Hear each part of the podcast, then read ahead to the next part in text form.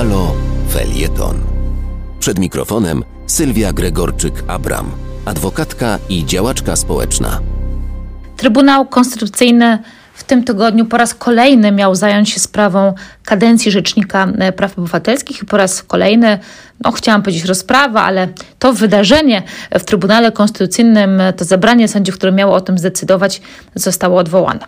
No dlaczego? Dlatego, jak możemy się oczywiście domyślać, e, Trybunał Konstytucyjny, które e, bierze udział od 2000, e, końcówki 2015 roku w tej politycznej grze z rządzącymi, sprawdza, patrzy, co takiego wydarzy się jeszcze na arenie e, politycznej i być może jakimś cudem uda się koalicji rządzącej przekonać senatorów do tego, żeby jednak ich kandydata, zaproponowanego przez nich kandydata na funkcję Rzecznika Praw Obywatelskich wybrać. To się do tej pory całe szczęście nie udaje.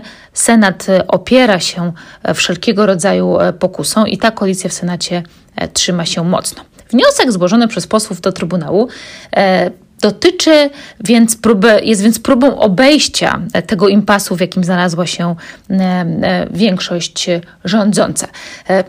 W skrócie e, posłowie chcą, e, ażeby Trybunał Konstytucyjny zbadał, e, czy taka możliwość przewidziana w ustawie o Rzeczniku Praw Obywatelskich, która mówi o tym, że działa on, dopóki nie zostanie wybrany jego następca, nadal pełni tę funkcję, jest oby na pewno zgodna z Konstytucją.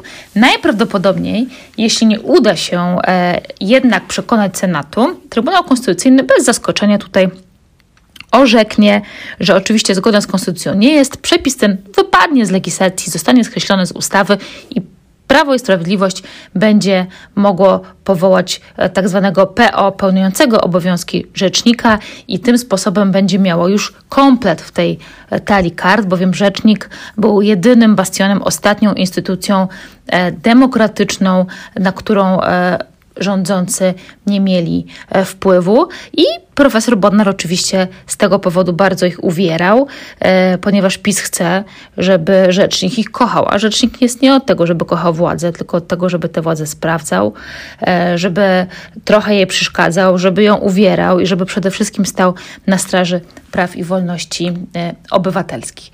I ja korzystając z okazji Mam do Państwa taką e, prośbę, żeby śledzić, żeby monitorować to, co dzieje się wokół wyboru Rzecznika Praw Obywatelskich i żeby stanąć za profesorem Bodnarem Murem e, wtedy, kiedy nas potrzebuje, a mam takie głębokie przekonanie, że to jest, proszę Państwa, właśnie ten moment, żeby wyrazić solidarność z Rzecznikiem e, Bodnarem. Można przyjść, będą organizowane różnego rodzaju konferencje, pikiety pod siedzibą Trybunału Konstytucyjnego podczas no, na, następnej rozprawy, podczas następnego zebrania zebrania e, sędziów w Trybunale Konstytucyjnym.